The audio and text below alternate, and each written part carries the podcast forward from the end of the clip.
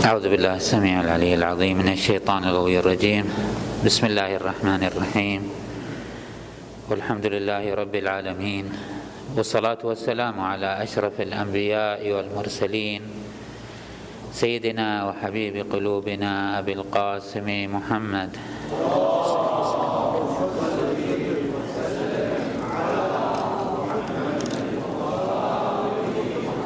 وعلى آل بيته الطيبين الطاهرين. المعصومين الميامين.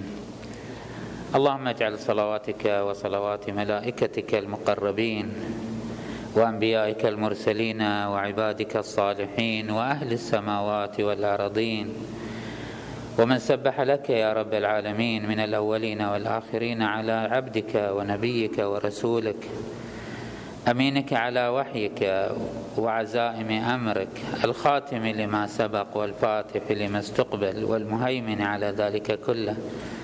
اللهم صل على محمد وآل محمد وعلى آله الطيبين الطاهرين الأوصياء المرضيين. بأفضل صلواتك وبارك عليهم بأفضل بركاتك. والسلام عليه وعليهم وعلى أرواحهم وأجسادهم ورحمة الله وبركاته. ثم السلام عليكم أيها المؤمنون جميعا ورحمة الله وبركاته. قال عز من قائل بسم الله الرحمن الرحيم. وننزل من القرآن ما هو شفاء ورحمة. وننزل من القرآن ما هو شفاء ورحمة للمؤمنين. ولا يزيد الظالمين إلا خسارة. وإذا أنعمنا على الإنسان أعرض ونأى بجانبه وإذا مسه الشر كان يئوسا. قل كل يعمل على شاكلته فربكم أعلم بمن هو أهدى سبيلا. ويسألونك عن الروح قل الروح من أمر ربي وما أوتيتم من العلم إلا قليلا. صدق الله العلي العظيم. هذه الآيات الكريمات تضع منهاجا متكاملا لحركة الإنسان التكاملية في هذا الكون. ولتوضيح بعض آفاق هذه الآيات الكريمة نذكر نقاط.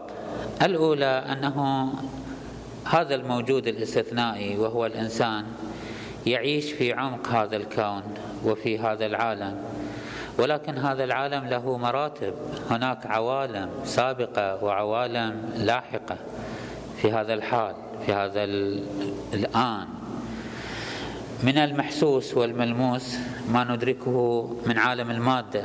هذا العالم المادي الذي نحسه ونجسه ونلمسه ونعيشه. هذا العالم الذي نسميه جماد. من الذرة إلى المجرة. هذا العالم الضخم المترامي. هذا العالم قائم على أساس نظم وهندسة ومنهجة. من الذرة الصغيرة التي تنطوي على قواعد ومنطقية في تفاعلها وحركتها إلى المجرة. هناك هندسة ونظم مبهر عجيب غريب. فعلا أمر مدهش أن نلاحظ هذا العالم وهذا الكون بهذا المقدار من الاتساق والنظم والتكامل والحيوية والفاعلية. إلى الآن لم يستطع الإنسان أن يستوعب كل آفاق هذا الكون على ما أوتيه في هذه الأزمان الأخيرة من آليات ومكنة على استقصاء آفاق هذا الكون. كل هذا في المرحلة الأولى من مراحل هذا الكون بل في المرحلة الدنيا من مراحل هذه العوالم. وما هو أدهش وأكثر إبهارا هو عالم النبات. هذا الظاهرة الاستثنائية في عالم المادة. هذا الموجود النامي المتكثر آه، آه، المتفاعل مع هذا الوجود. يتغذى وينمو ويكبر ويتكاثر بألوان وأشكال ومناحي من التكثر. المبهر في عالم المادة وفي عالم النبات أنهما متسقان متوافقان. لا توجد منطقية فيزيائية ولا منطقية تقتضي يعني الذين يبررون هذه الإعجاز وهذا الإعجاب وهذا الإبداع في منطقية حركة المادة كيف تبرر هذا الاتساق بين عالم المادة وعالم النبات؟ لماذا عالم النبات يعتمد على عالم المادة؟ بحيث تكون عالم المادة تقدم لعالم النبات ما يحتاجه. لو كانت المسألة مسألة جغرافية لو عفوا كانت المسألة مسألة فيزيائية كيميائية ما علاقة عالم المادة بعالم النبات. ثم أننا نلاحظ أن عالم النبات وكذلك في الحقيقة عالم المادة مشفر بمعنى أنه ليس فقط يتحرك في ضمن منطقية فيزيائية وكيميائية معينة وإنما يستهدف هدف بعيد.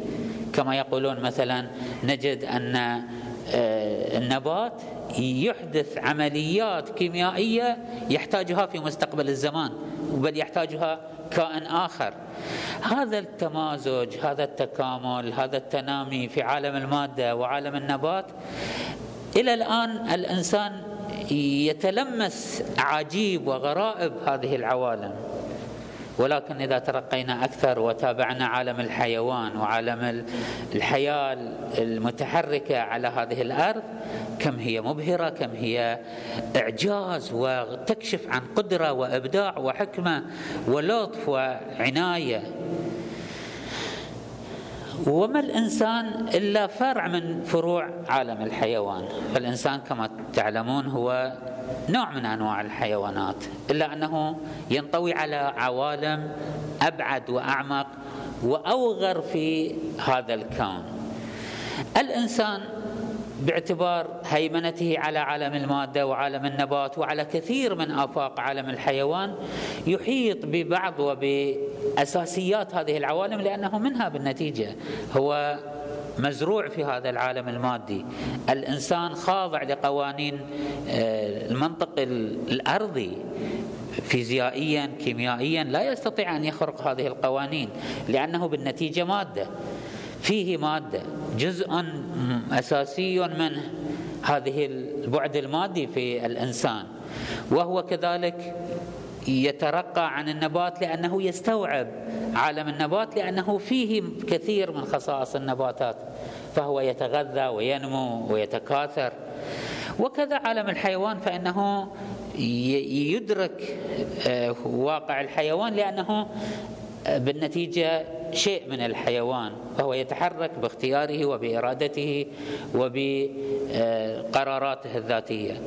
اذا الإنسان احاط بهذه العوالم لأنه أحسها وعاشها وأدركها بكله وبذاته. وإن كان تخفى عليه بعض آفاقها تخفى عليه بعض قواعدها تخفى عليه بل كثير من جوانبها فهو لا يستطيع أن يعرف كثير من خفايا وأسرار هذه العوالم المادية والنباتية والحيوانية. ولكن ما هو أكثر ابهاما ما هو أكثر غموضا هو عالمه الخاص عالم الإنسان. عندما يترقى من عالم المادة وعالم النبات وعالم الحيوان هذا الإنسان هذه الخصائص التي يتحلى به الإنسان وهي كثيرة كثير منها يدركه ويحسه ولكنه لأنه لم يعطي هذه العوالم اهتماما. واقبالا ودراسه. بل هناك عوائق عن أن يدخل في هذه العوالم ليدرسها ويتعلمها بقيت عليه خافية. نعم يلمس آثارها يلمس كثير من مناحيها بل بعض مناحيها يعيشه ولكنه لا يدركه لا يفهمه كما يقال عن تلك السمكة التي كانت تبحث عن شيء اسمه الماء. أمضت عمرا وهي تسمع بشيء اسمه الماء. ولكنها لم تعرفه ولم تراه ولم تره ولم تشاهده قط. حتى أصطادها يوم من الأيام صياد وخرجت من الماء إلى البر. قالت الآن فهمت ماذا يعني ماء. ذلك الذي كنت أعيش في وسطه. ذلك الذي البيئة التي كانت تمدني بالحياة. تلك الظرف الذي يحيطني من كل جهة. ولكنه في نفس الوقت كان مجهولا مبهما. كذلك عالم الإنسان. عالم الإنسان فيه كثير من الأمور لو نقف ونتساءل ماذا يعني؟ ماذا يعني أن ننام؟ ماذا يعني أن نصحو ماذا يعني أن نستغرب ماذا يعني أن آه، نضحك قد تقولون ماذا يعني أن تضحك؟ هل, هل هناك موجود آخر غيرك أنت أيها الإنسان يضحك ويستغرب ويبكي ويحمل هم المستقبل؟ لا النبات ولا الجماد ولا حتى الحيوان لا يعي مستقبلا ولا يعي عجبا وغرابة ولا هما ماضيا ولا مستقبلا. أنت أيها الإنسان تنطوي على آفاق ومناحي كثيرة تحتاج أن فقط تقف لتتلمس وتتحسس حقيقتك أنت لتنفتح لك آفاق من المعارف في عمقك وفي ذاتك مزروع. وذلك أنه من مشيئة الله أنه أعطى كل موجود بعد خلقه هداه أعطاه أسباب الهداية. فمن الجماد خلقه ووضع له مسارا محددا للتكامل ووضع له آه، طاقة ومبعثا ليسير إلى هذا التكامل فالنبات فالجمادات مثلا خاضعة للمنطق الفيزيائي لا تستطيع أن تسير إلا في ضمن هذا المنطق. وهي بذلك المنطق تتكامل. بمعنى أنه لاحظوا هذه الأفلاك هذه الأجرام السماوية هذا العالم المترامي الأطراف كيف هو متناسق متلائم منسجم لا تصدر منه أي خطأ حتى ما قد نفهمه فهما خاطئا.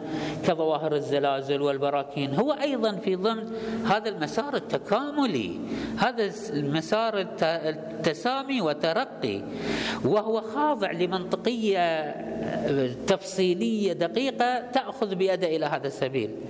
النبات كذلك يسير في طريقة للتكامل لأنه زرع في ذاته تشفيرا وبمعنى أنه هذه البذرة الصغيرة يوضع فيها هندسة متكاملة لكيفية مسارها وكيفية آه، سلوكها في مراتب الكمال. الحيوان كذلك إلا أنه يضفى عليه شيء يسمى غريزة وتدفعه وتحركه باتجاه التكامل واتجاه الترقي. الإنسان كذلك في أعماقه بواعث شبيهة بالمادة وشبيهة بالنبات وشبيهة بالحيوان. فهو من حيث المادة هناك منطقية فيزيائيه تحركه وتسيره. من حيث النباتية هناك فيه آه، في أعماقه تشفير تبعثه وتحركه باتجاه التكامل. منذ اذ كان منذ أن كان خلية حيوانية بسيطة منذ أن كان حويمنا في أعماقه يوجد فيه ما يحركه باتجاه آه، طريقة الكمال. حتى إذا خرج إلى هذا العالم كما هو الحال في الحيوان عنده غريزة الغذاء والنمو والتكامل. حتى إذا كمل أضيفت إلى غرائز أضيفت إلى تشفيره المادي وغرائزه الحيوانية فطرته الإنسانية الخاصة. هنا هذه الفطرة تفتح له آفاق تترقى به لو أنه سلك المسلك الصحيح تترقى به إلى مراتب القدس ومراتب السمو ومراتب عالية من الكمال إلى عوالم أجمل وأبهى وأنظر إلى عوالم أسعد وارق وأنعم. وخلق الإنسان من الأرض ليسلك هذه مراتب الكمال ليبلغ تلك العوالم. هذه الآية تشير إلى هذا المعنى عندما يتساءل الناس عن الروح.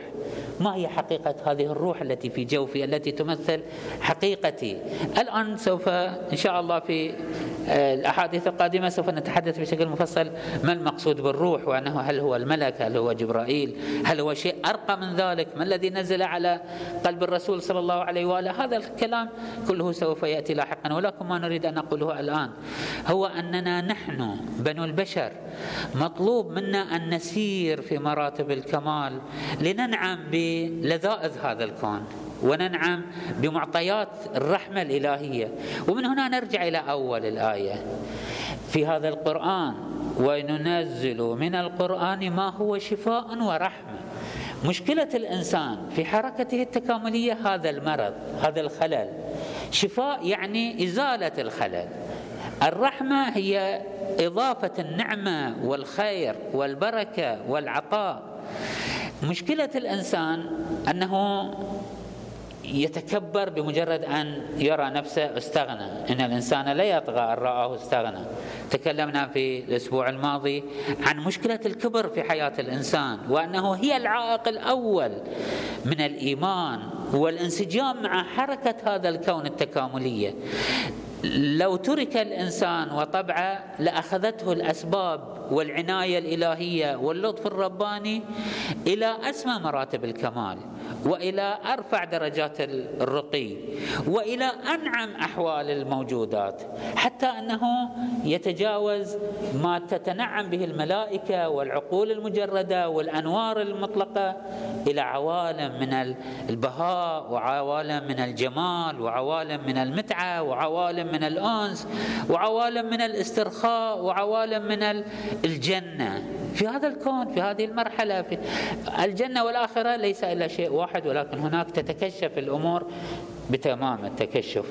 القرآن الكريم يعد الإنسان أن هذا الكتاب المنزل سوف يعالج ما في الإنسان من شفاء لو أنه أصغى وأزال الاستكبار من نفسه وأزال الاستعصاء وأزال حالة التمرد على الله عز وجل والتمرد على أهل بيته رسول الله صلى الله عليه وآله وانقاد للهداية الإلهية واستسلم للتدبير الرباني انسجم مع هذه الدوافع النيرة وهذه البواعث الخيرة مجرد أنه يترك الاستعصاء والتمرد والتكبر والتجبر لا لا يراد من الإنسان أكثر من هذا الطاعة والسامع والإعتراف بمقامه الواقعي.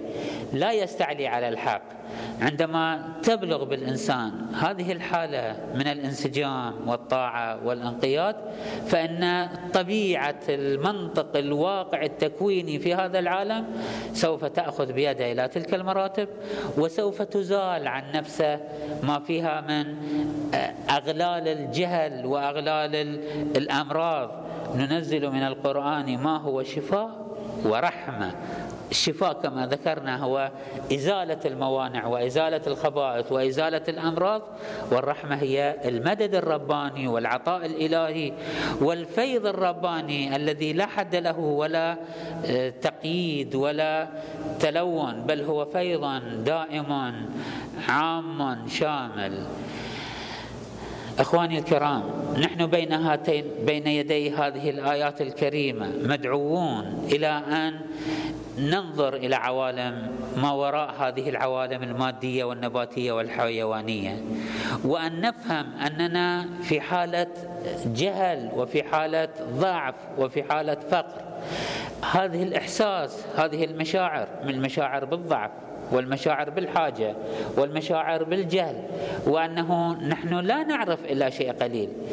المشكلة عندما نشعر بالاكتفاء، عندما نشعر بالاستعلاء، عندما نشعر بالتكبر، نشعر أن ما نفرح بما عندنا من العلم، وأنه لا يوجد خلف ما أحطنا به من معارف شيء من العلم. هذا هو المانع هذا هو الحاجب هذا هو الحاد من حركة الإنسان التكاملية.